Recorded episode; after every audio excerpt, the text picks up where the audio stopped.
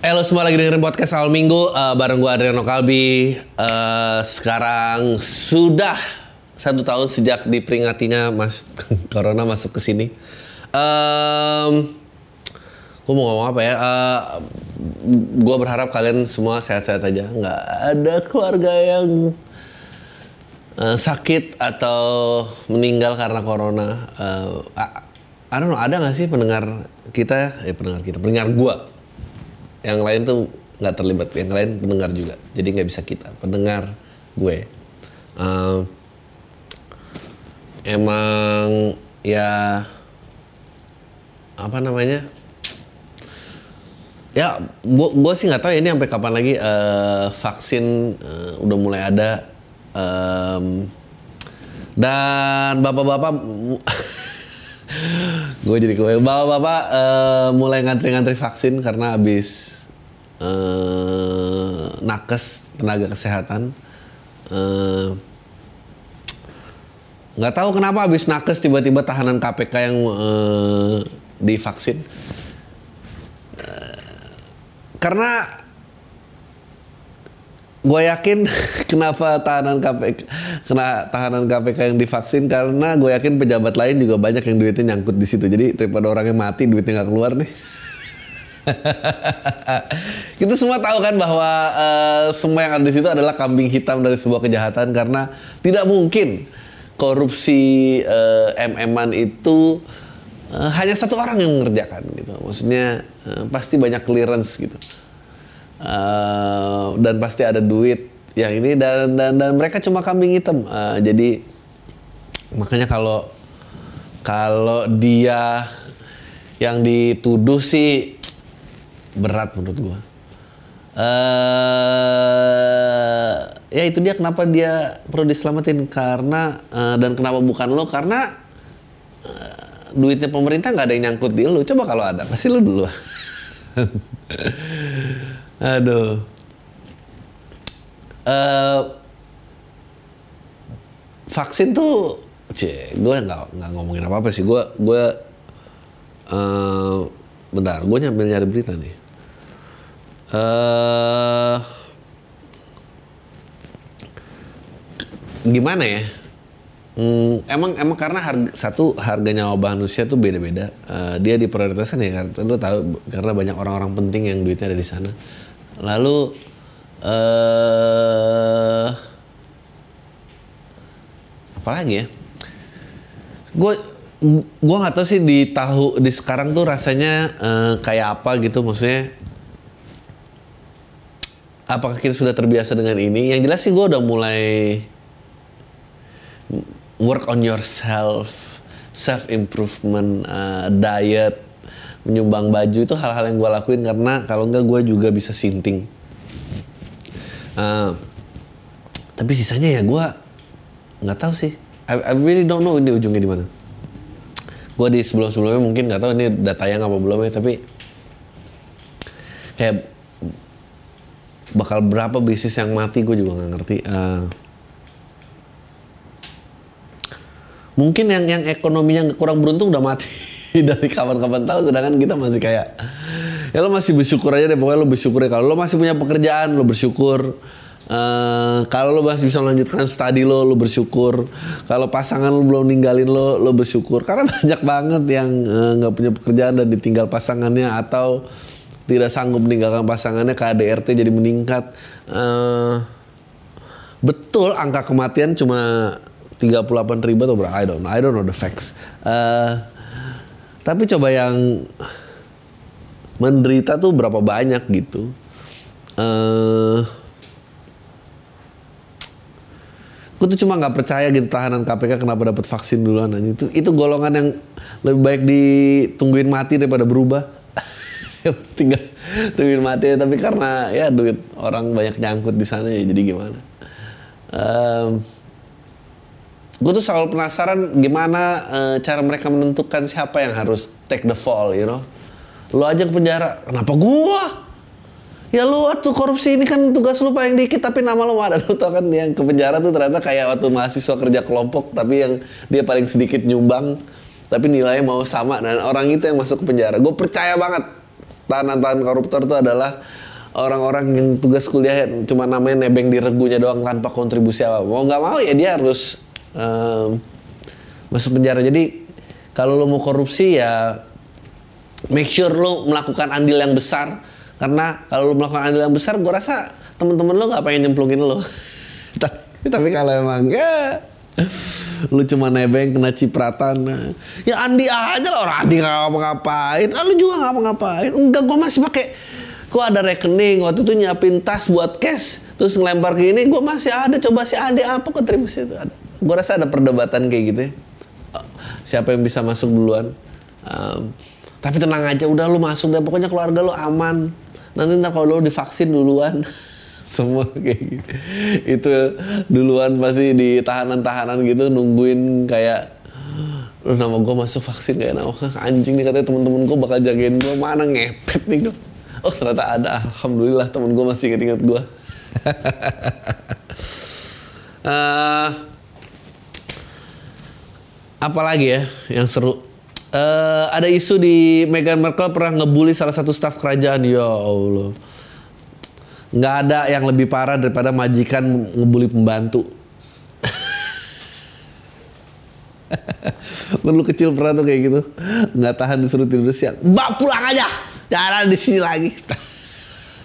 Keresan keresan orang kaya gini. Ngomel pembantu Aduh, Meghan Markle udah bagus lu masih jadi anggota keluarga uh, apa keluarga kerajaan. Uh, dua asisten pribadi dari rumah tuh kan mereka udah saya nggak butuh kalian sini kalian pikir saya nggak bisa. Ianya itu perkataan pembantu orang kaya lama banget tuh. Masih manggil nyonya ianya uh, tapi gue tuh bingung kayak oke okay, dua pembantu diusir nih Pangeran Harry memohon kepada Nauf, ya ampun kasihan banget nih suaminya, uh, untuk tidak melanjutkan pengaduan ke HR. Yang banyak lagi sama industri K-pop di mana uh, artis-artis idol dituding melakukan bullying selama masa. Tapi ini beritanya cuma beberapa tersebut cuma hoax. Oh oke. Okay. Tapi yang ini nggak hoax dong. Masa gue bacain hoax? Uh, tapi yang lucu tuh adalah I think that's the I don't know I hate social media. Tapi menurut gue sekarang suara pembantu itu didengar karena dia diusir oleh keluarga kerajaan terus bisa keluarga kerajaan yang takut gara-gara udah ngusir pembantu. Lu kebayang gak sih jadi Meghan Markle gimana? Ah dasar PR kerajaan gak becus kok bisa sih dia mengkritisi mengkritisi saya? Hah? saya berkuasa di sini. La la la la la. Ya. Menurut gue itu pulang kampung. Kamu kenapa nak? Kok pulang? Orang tua yang biasanya cuma dapat kiriman duit dari dia. Loh nanti bulan ini kita makan apa nak? Di keluarga kita cuma kamu yang kerja. Yang lainnya udah kami kawinin muda enggak? That's that's fucked up tuh kawin muda tuh faktor. Uh, ya, okay. nah, pasti ada yang ngadu lagi. Kayak lu masukin sosmed aja, siapa tahu viral. Aduh, kasihan banget. Emang orang kampung tuh jangan dimasukin kerajaan lah jadinya kayak gitu. Lagian, that's just, and then that's the worst tau gak lu. Terus suaminya yang harus kayak, mak, Pak maaf ya Pak. Mohon saya mohon Pak jangan diadukan. Kasihan istri saya. Ah istri bapak tuh gila. Kasihan banget.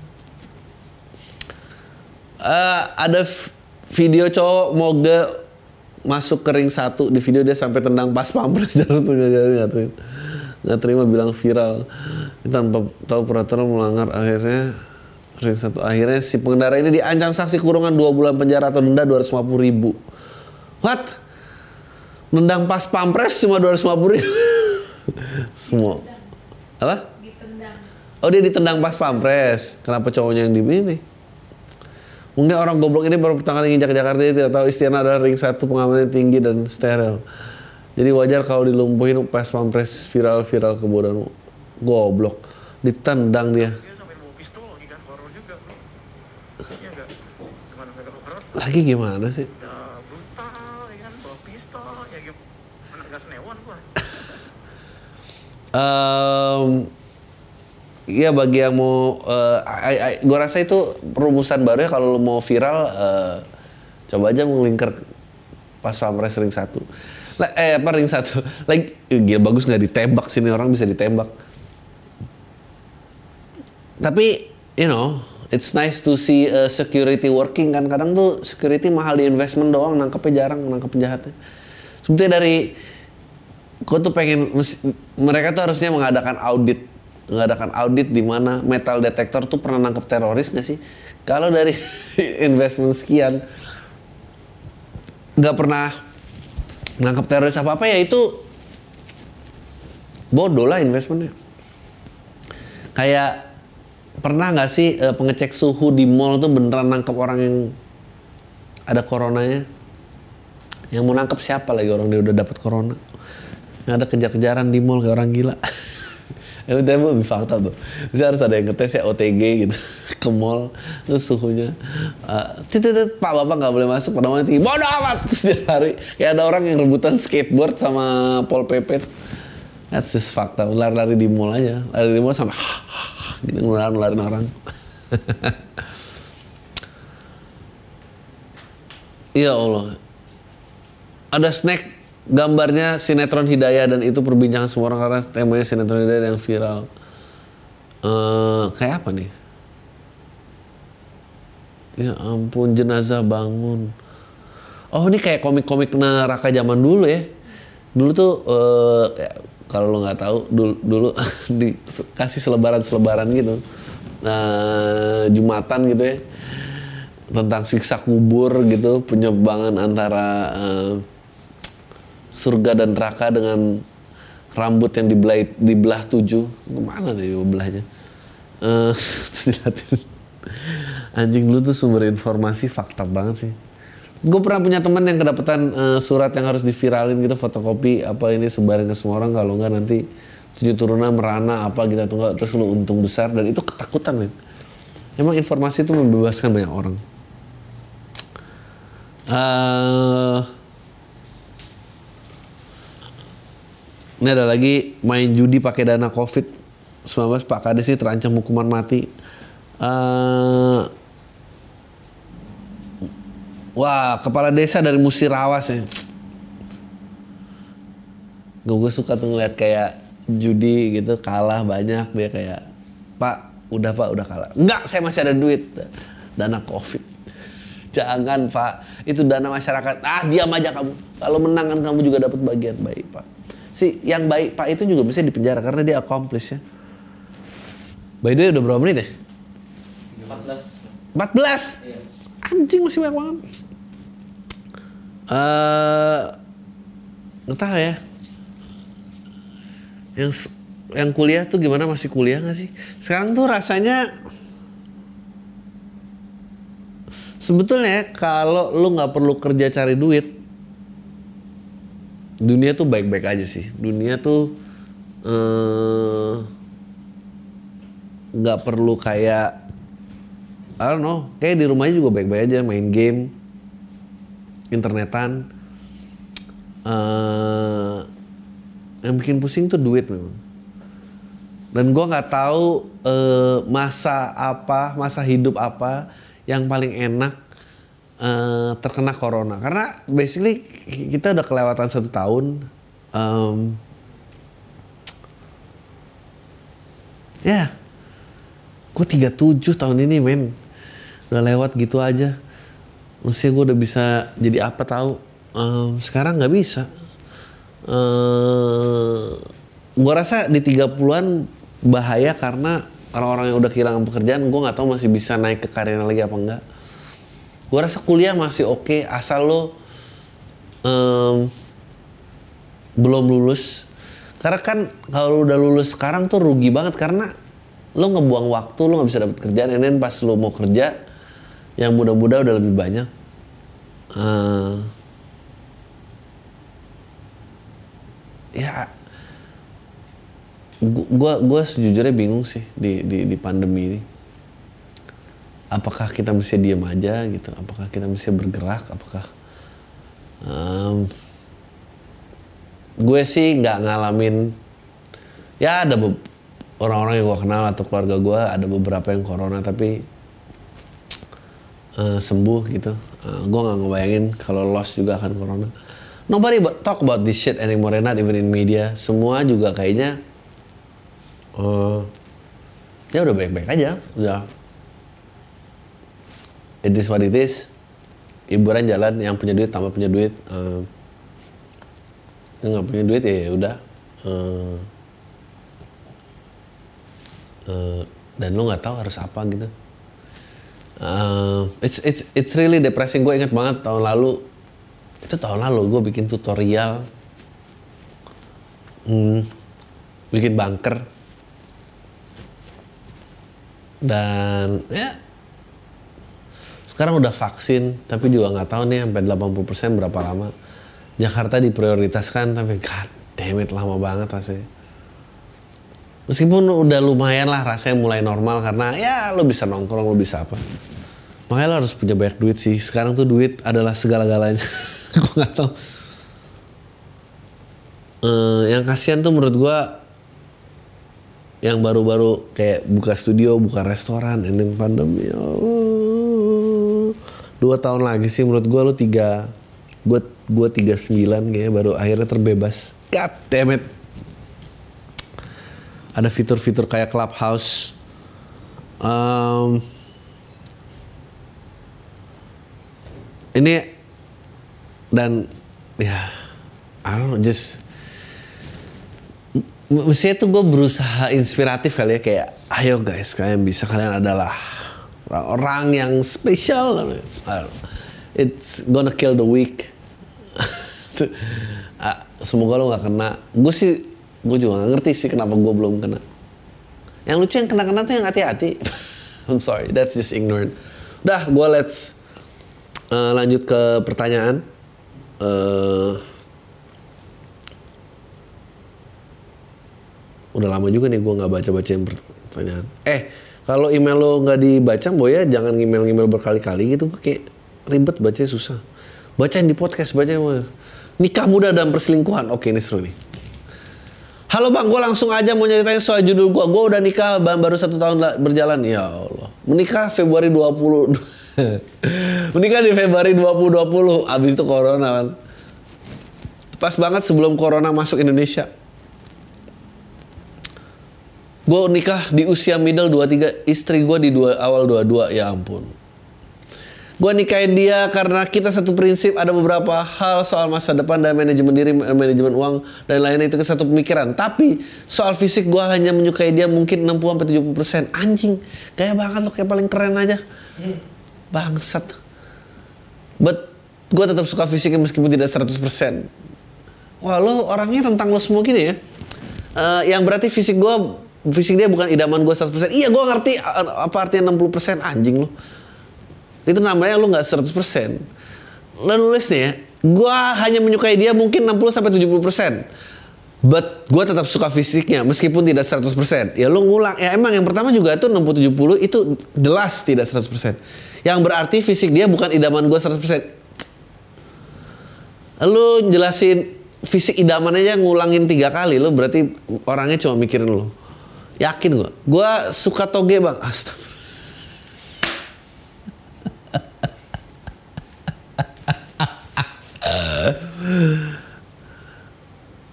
Pakai kulitnya putih bersih cie. Kalau bini gue, oh, oke, udahlah, too much lah. Lu mau standar dan tidak bisa dibilang kecil, so-so lah kulitnya juga gitu ya, nggak putih, tapi ya nggak bisa dibilang gitu. Wajahnya sih cantik ya kalau di foto. Nah bang, permasalahan adalah di kantor gue ada anak baru yang buset ini bang, ini idaman gue banget bang, 100% secara fisik. Lo pasti pernah juga lah meskipun udah punya istri atau lu pacar tapi suka aja ngeliat cewek cantik. Enggak sih biasa aja gue. tapi ini tuh beda bang, caelah nggak beda coy. Ini nggak kayak liat cewek cantik yang kita suka cuma selewat gitu aja. Ini bikin gue deg-degan mulu bang tiap ngeliat dia atau di dekat dia apalagi ngobrol sama dia. Gue sama sekali nggak pernah ngerasain ini sebelumnya. Gue juga nggak punya track record selingkuh. Ya iyalah 20 23 tahun anjing. Kalau diselingkuhin sering bang pas zaman pacaran. Ya. Ini pertama kali gue ngerasain ada tendensi untuk gue berselingkuh. Perasaan gue sih ke anak si baru ini berjalan 6 bulan sekarang dan belum hilang. Tapi gue juga nggak pernah ngontak dia selain urusan kerjaan dan itu pun jarang banget gue masih bertahan sejauh ini. Tapi makin hari perasaan itu rasanya makin gede bang. Kayak perasaan yang ditumpuk-tumpuk 6 bulan. Wah. Tapi ya perasaan ini tuh rasanya makin gede bang. Kayak perasaan yang ditumpuk-tumpuk 6 bulan. Kan emang 6 bulan dong. Ini nggak nggak umpama dong. Emang itis what itis. Kalau kaya tuh lo membandingkan perumpamaan uh, benda lain gitu yang artinya setimpal dengan perasaan yang ditumpuk 6 bulan. Lo hanya menjabarkan ulang. Kenapa sih lo lo tanya bini lo, lo pasti sering ngomongin hal yang berulang-ulang padahal lo tuh udah diomongin tapi lo cerita kayak lo pertama kali ngomongin. Emang lo self centris. Gua rasa sulit bang buat gua nahan ini sulit parah gua hampir ngerasa ada di ujung usaha banget buat nahan ini semua gua pengen banget jalin hubungan sama dia tapi meskipun udah punya istri meskipun kami belum punya anak karena memang belum diizinkan belum ingin di waktu dekat Gua sadar meskipun gua suka fisik dia 100% tapi di sifat lain belum tentu lebih baik dari istri gua sekarang. Gua belum tahu di sisi itu sepenuhnya tapi gua udah cari info ke temen satu divisi yang gue tanya sisi buruk soal dia ternyata sisi buruk dia beberapa ada yang sama dengan istri gua. Anjing banget sih lu. Gue juga sadar segala resiko ini bakal ada buka keran perselingkuhan ini. Tapi bang, menahan ini rasanya berat banget bang. Rasanya udah di ujung perjuangan. Anjing. Menurut lo apakah hal ini terjadi karena gue belum siap mental untuk menikah? Karena menurut gue secara mental gue udah siap. Gue cuma miss soal goda-godaan kayak gini. Ya, itu namanya belum siap goblok gue cukup percaya diri karena gue belum pernah selingkuh dari dulu. Kalau gue menahan goda-godaan ketika gue percaya. Kalau sekarang boleh dibilang gue berharap untuk bisa menjalin hubungan sama dia. Menurut lo gue harus gimana bang? Kalau lo pikir adalah karma istri gue udah tanya dia belum pernah selingkuh seumur hidupnya so ini bukan karmanya dia. Anjing anjing gak, gak ada orang yang lebih mikirin lagi daripada lo sih menurut gue lo mau selingkuh tapi lo nanya ke istri lo kamu dulu pernah selingkuh nggak? Kalau kalau dia jawab iya, berarti itu jadi justifikasi lu untuk berselingkuh lu parah banget lu. Lu lu membuat kesalahan tapi nanti ntar kalau ketahuan jadi bilang ya tapi kan ini karenanya karmanya kamu karena kamu dulu selingkuh gitu anjing goblok banget nih orang anjing lo goblok banget sih menurut gua ya menurut gua lo anak kecil aja sih lo nggak bisa uh, I iya sih, lu, lu tuh nggak siap menikah. Uh, menurut gue lu anak kecil, lu nggak pernah mikir lebih dari lu dan lu sangat muda sebetulnya itu wajar-wajar aja karena lu anak muda. Um, dan menurut gue emang kayak gitu, harus dilewatin dulu sih. Uh, lu kalau mendeskripsikan perempuan masih pakai toge sih menurut gue jangan nikah sih. Goblok mantan jadi artis bokep emailnya jangan dibacain eh tapi lu ngapain email terus nggak mau dibaca bodoh ah. mau nanya dong gimana rasanya kalau lihat mantan lu yang udah hilang bertahun-tahun di video bokep coba kasih linknya Terjadi sama gue bang, pas gue lagi iseng nyari bokep ternyata dapat bokep mantan gue. By the way, gue udah yakin sih itu dia. Soalnya dari mukanya udah jelas. Terus cara nyiumnya juga sama pas waktu dulu gue. lah, anjir awkward banget sumpah kaget beneran gue taunya nggak gak nyangka. Tadi mau nonton bokep malah malah nonton mantan gue main sama pacar barunya bangsat emang. Udah gitu aja bang, makasih udah dibacain. Nah, jadi dibacain apa nggak mau dibacain sih? Tapi you know bintang bokep tuh ada production scale-nya loh. Kalau rekaman pakai HP mah itu merekamannya dia, goblok. Dia nggak jadi bintang bokep, dia merekam hubungan seksualnya dia. Uh, apa lagi ya? Bang, gimana tanggap lo sama band Daniel Suci 9? Gue jagoin dia bang karena gue sering lihat Adriana Kalbi ikut kompetisi. Thank you bang. Ah, dia oke. Okay. Uh, ya oke, okay, semoga dia sebara, I guess. I don't know. He's good, he's a very good comedian. Good friend juga. Disenengin adik tingkat sampai ngajak liburan bareng. Oke, okay, tapi aku nolak. Oke. Okay. Halo Bang Adri, aku mahasiswa salah satu kampus swasta di Jogja. Jadi ceritanya dulu aku kenal sama si adik tingkat gue ini liat ini karena dipersatukan dalam sebuah kepanitiaan event di kampus selalu ya. Cinta-cinta event. Pada saat pada saat itu kita sering bertemu, kita sering ketemu karena kita satu divisi yaitu divisi acara. Nah pas rapat awal-awal aku udah lumayan tertarik sama adik tingkatnya, tapi aku berusaha untuk profesional dan kepanitiaan. Oh ya by the way, aku angkatan 17 di angkatan 18 jadi selisihnya nggak jauh-jauh banget. Ya Allah. Pause ya. Dit, masuk aja Dit. Tunggu aja. Ah. Lu udah datang? Boleh, boleh. Sini aja. Oke, yuk. Oh yaudah, yaudah. Yuk.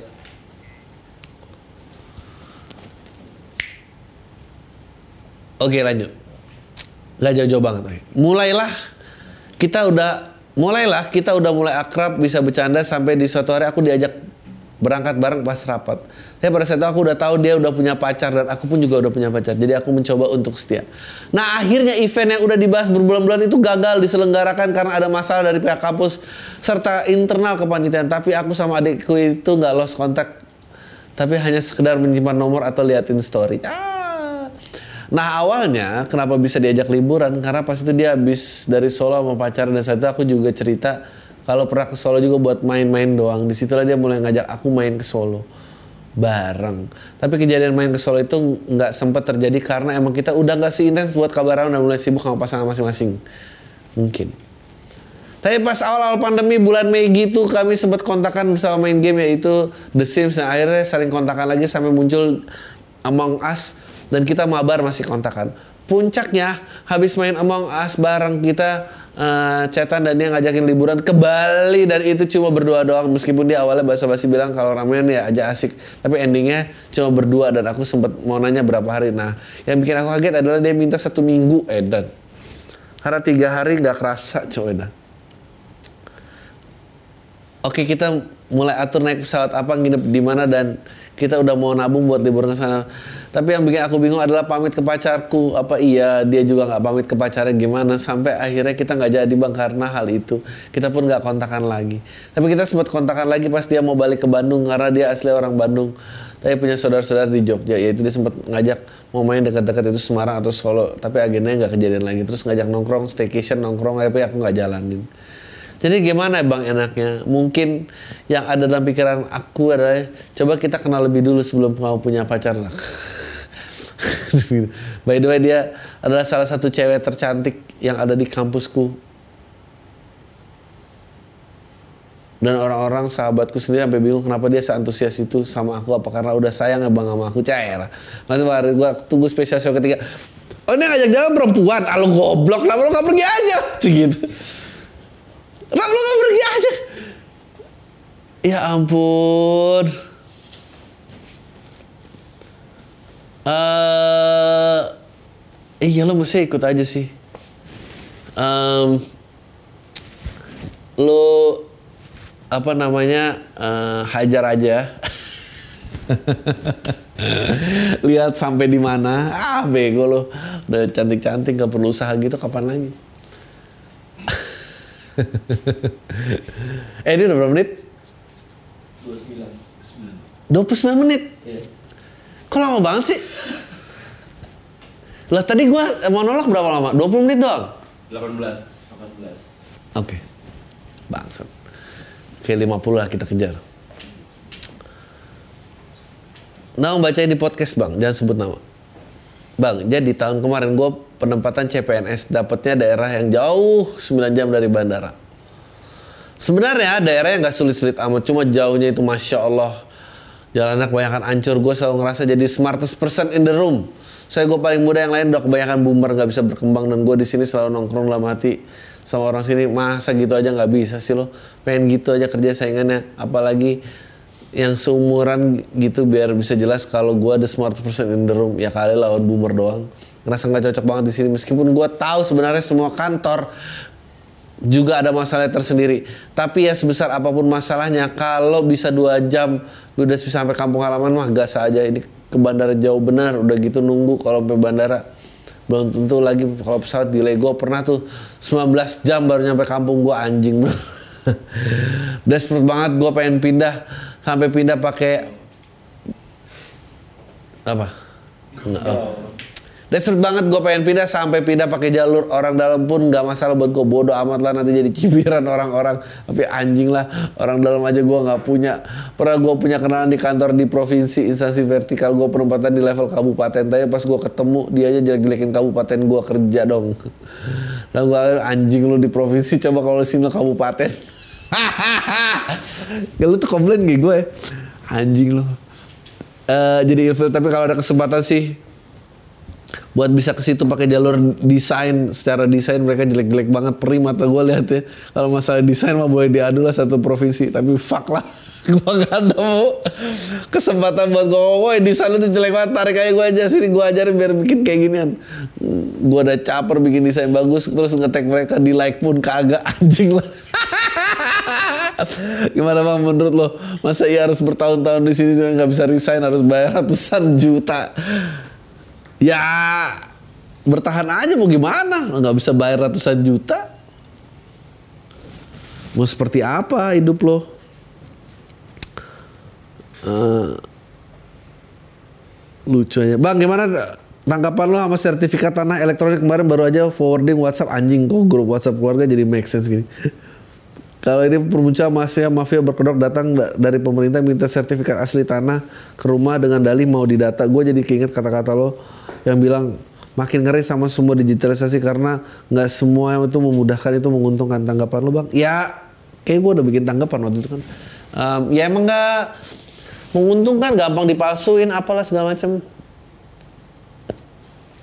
Em, lagi juga ngapain ada orang datang minta sertifikat tanah lu percaya oh bego ah tenang aja lo ini salah bang pertanyaan lo langsung di awal aja jadi mau tanya sama lo gimana ya bang?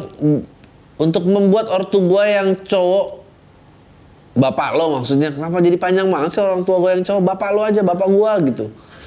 Orang tua lo yang cowok emang orang tua lo ada berapa? Poligami. Maksudnya lo ada tiga. Tiga juga tetap bapak yang cowok itu gimana sih? Untuk nggak menyalahkan diri sendiri dengan keadaan. Dan ortu gue yang cewek ibu lu anjing kenapa dan ortu gue yang cewek nggak terlalu mengingat masa lalunya dan menerima gitu keadaan dia sekarang hah? Bapak ibu lu kan? Jadi penjelasannya ortu gue udah cerai bang. Sejak gue SMP kelas 2 sekarang usia gue 20 baru aja 30 Januari kalau mau diucapin nggak apa-apa bang soalnya gue nggak ada yang ngucapin. Mungkin karena gue nggak asik kali ya, sedangkan banyak temen atau gue bisa sedangkan banyak temen atau kenalan gue lain bisa story IG rame-rame yang ngucapin tapi nggak apa-apa. Paling nggak gue nggak ada keharusan untuk ngucapin mereka balik. Anjing. Berusaha berusaha idealis dalam kesepian. Kasihan. Balik ke topik. Semenjak orang tua gue cerai gue tinggal sama nyokap. Ini di sini lo bisa pakai nyokap. Lo nggak tulis orang tua gue cerai gue tinggal sama orang tua gue yang cewek. Kenapa lo nggak gitu lagi? Nggak konsisten aja sampai sekarang kadang nyokap gue tuh agak denial sama keadaan dan sering gue bilangin kalau baiknya direlakan saja dan masa lalu itu. Soalnya bokap gue dulunya kerjanya bagus polisi. Wah tapi karena drugs dan perceraian dia sering KDRT wah kenapa anda tidak laporkan aja bapaknya sendiri? Akhirnya beliau rusak dan dikeluarkan dari kepolisian. Ya. Kadang gue malas aja dengerin nyokap ngomong padahal aja bapakmu baik kalau aja bapakmu baik-baik aja pasti kita nggak begini. Padahal penglihatanku kami lebih baik dan mereka ortu gue iya gue tahu mereka. Lu kenapa sih kayak ngetrit gue goblok ini? Padahal penglihatanku kami lebih baik dan mereka dalam kurung ortu gue ya iya emang cuma ortu lu doang dari tadi omongin mereka tuh nggak mungkin umat. Mereka lebih baik saat sudah bercerai ya. Dan kalau bokap gue juga sering nyalain diri sendiri. Kalau kami lagi ketemu gitu bang. Ngomong kalau aja dia masih punya pekerjaan yang jelas ya katanya gue bisa aja lebih bahagia dari sekarang. Padahal gue sendiri sih nggak mempertanyakan keadaan sekarang. Gue benar-benar menikmati aja apa yang gue dapat sekarang. Benar-benar gue setuju. Eh, kadang-kadang anak-anak tuh jauh lebih mengerti. Dan orang tua tuh sebetulnya mengkhawatirkan anak tuh dia cuma mengkhawatirkan dirinya sendiri doang. Eh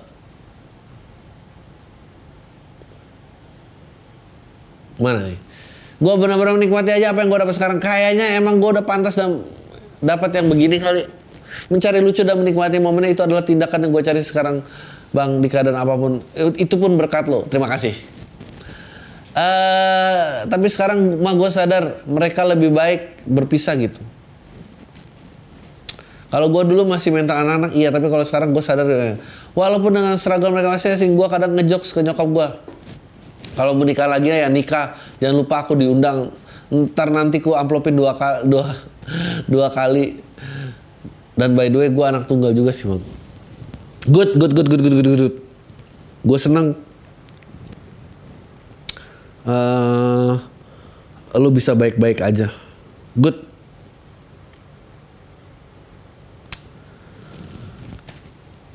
Berapa menit sekarang? Tiga enam. Kenapa waktu jalan lama banget sih?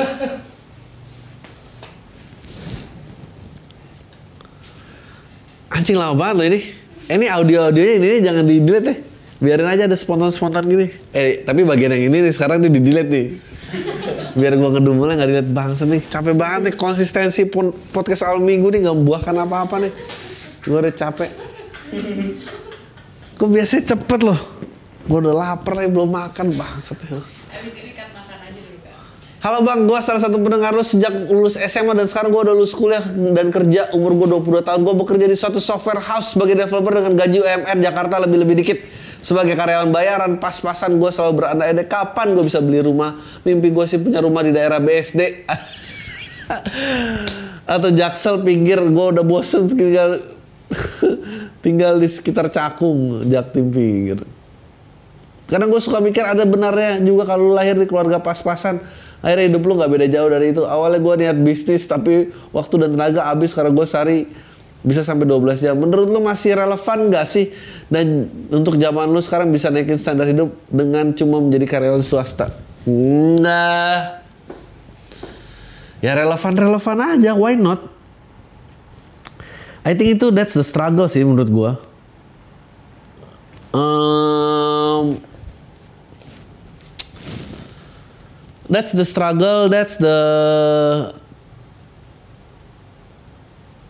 I don't know, lo lo harus kejar banyak hal sih. Um, tapi tapi ya, gua sih nggak pernah punya mimpi uh, punya rumah harus di mana BSD apa segala macam. Gua nggak pernah mimpi kayak gitu. Kalau pikir-pikir hidup gua ngalir aja kayak oh ya, oh ternyata nyampe-nyampe aja. Uh, gua bukan orang yang tercatat dan rencana gitu. Bingung gua kayak kalau yang kayak gitu-gitu. Halo bang, gue mau cerita lagi nih bang. Baru-baru ini gue banyak tukar pikiran soal hubungan dan perjalanan hidup gitu sama beberapa cewek yang kenal dari Instagram. Astagfirullah. Cuy, pertukaran hidup apa sih yang lu dapet dari kenal cewek di Instagram? Dua cewek udah gue datengin rumahnya.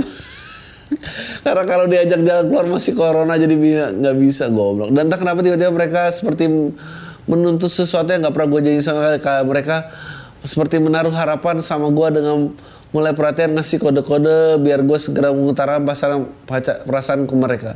Kalau diutarain sejujurnya mereka pasti kecewa dan semua sampai ngirim email ini gue masih gantungin semua mereka anjing the best sampai ngirim email ini gue masih gantungin. Padahal bukan maksud untuk deketin bang, tapi cuma buat jadi tukar teman pik- tukar pikirannya karena gue bosen tukar pikiran sama teman nongkrong terus mantap.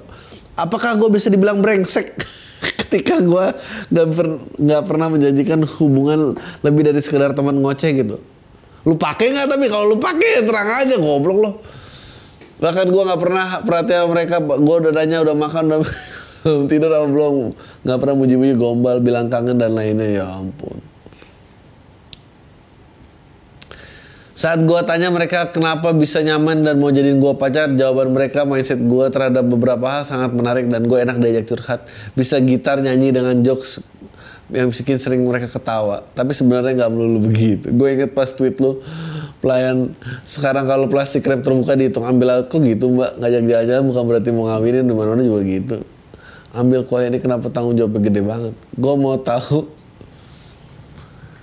eh, kira-kira apa yang lo lakuin ketika lo berada di situasi seperti ini? Yang mana diajak pacaran sama beberapa cewek padahal lo nggak berniat pacaran mereka baca di pam nggak apa bang kalau bersedia. Sorry kepanjangan. God bless.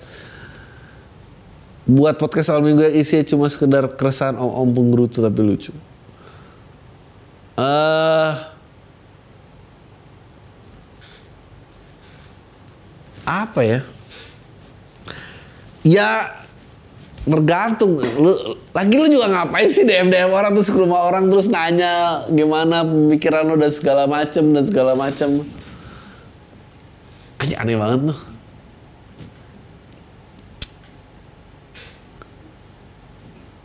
Ya jangan dipacarin kalau nggak pacaran simpel itu sih gua Halo bang, gue mau cerita gue udah punya mantan baru putus bulan lalu dia udah jadi mantan kan tapi kemarin dia datang pas gue ultah ngasih kado plus video gitu yang gue sendiri aja jijik ngeliat videonya.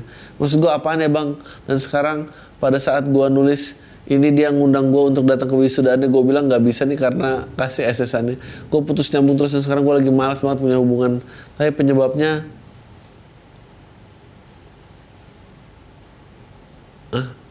Gue malas punya hubungan tapi penyebabnya gue mau balik terus-terusan sama dia karena gue orangnya nggak tega dan nggak enakan. Ah, mati aja lah kalau nggak tegaan. Gak usah men. Capek hidup kayak begitu.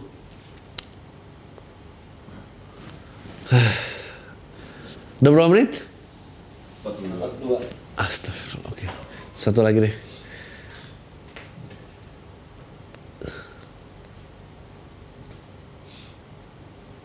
Apa nih?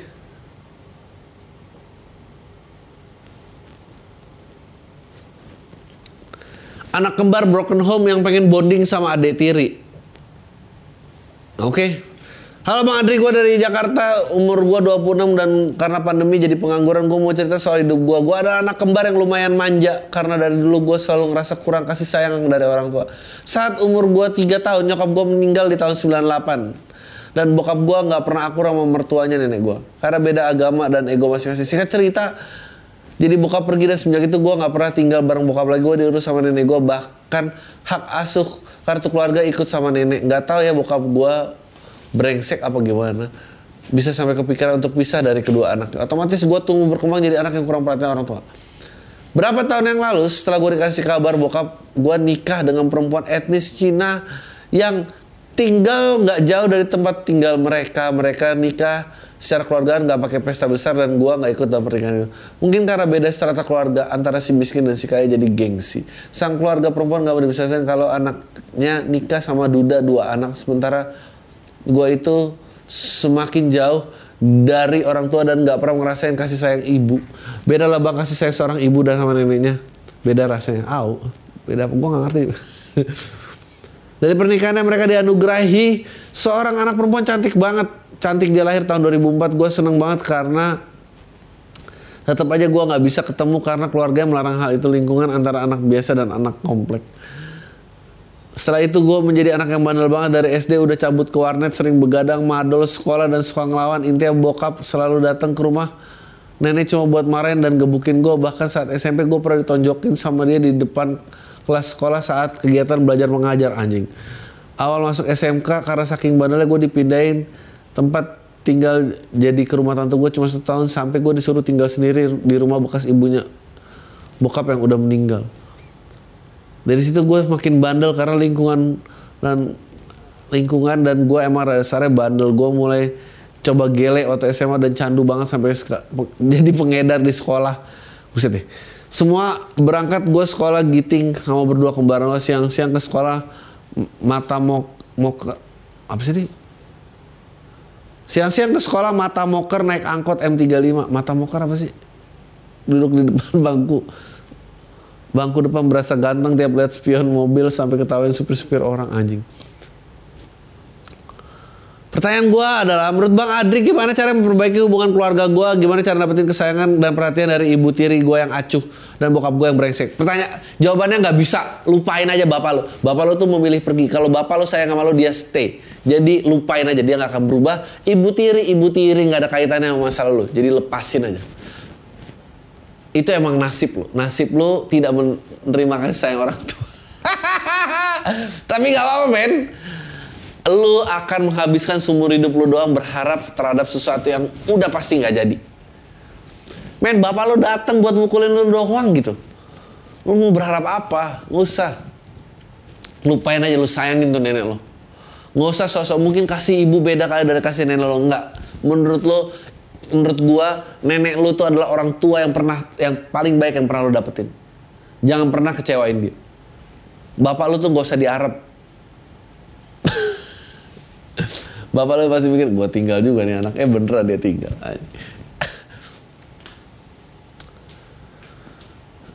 Eh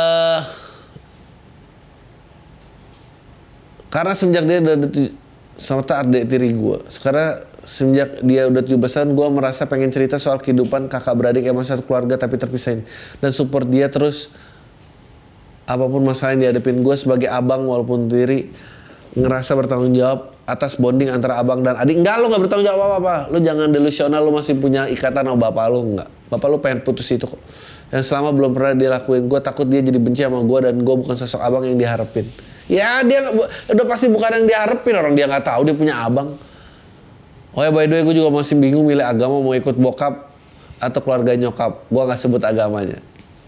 Tapi menurut gue lu ikutin keluarga nyokap lo, lo ikutin nenek lo gila kali. Karena gue perminggu tiga tahun ngejain dodo gue pernah ah gue nggak usah baca deh. Gue ngerasa aneh. Ya. makasih udah mau cerita ke GBU bang.